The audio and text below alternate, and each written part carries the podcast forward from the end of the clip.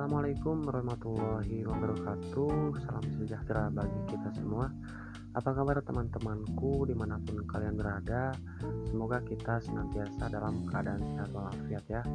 Dalam podcast kali ini saya akan memberikan tanggapan atas materi yang telah dipaparkan oleh kelompok 3 Dengan topik bahasan yaitu mengenai kenakalan remaja kenakalan remaja itu merupakan uh, tindak perbuatan para remaja yang bertentangan dengan hukum, agama, dan norma-norma masyarakat sehingga perbuatannya itu dapat merugikan orang lain, mengganggu ketentraman umum, bahkan merusak dirinya sendiri.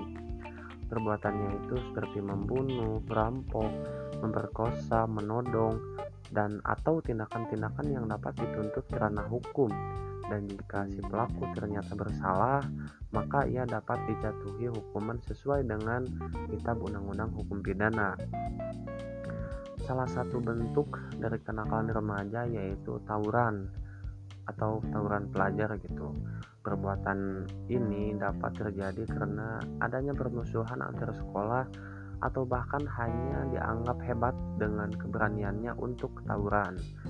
Berdasarkan dari data KPAI di bidang pendidikan, data kasus tawuran pelajar di tiap tahunnya terus mengalami peningkatan.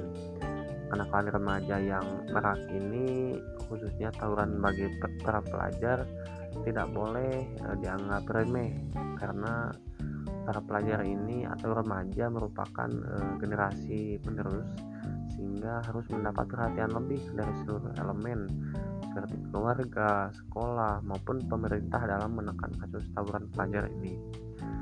Kemudian saya akan e, menambahkan jawaban atas pertanyaan dari Panisha yaitu mengenai e, dampak buruk dan baiknya dari kenakalan remaja. Menurut saya e, dari perbuatan kenakalan remaja itu tidak ada dampak baiknya karena perbuatan tersebut jelas berdampak negatif bagi mereka yang melakukan atau bahkan bagi lingkungan sosialnya.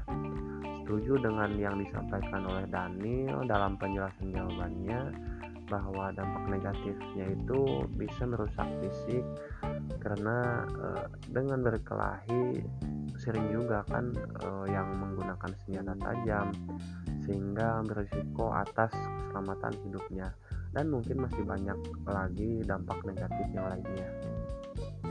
Mungkin cukup sekian yang dapat uh, saya sampaikan berupa tanggapan serta tambahan jawabannya.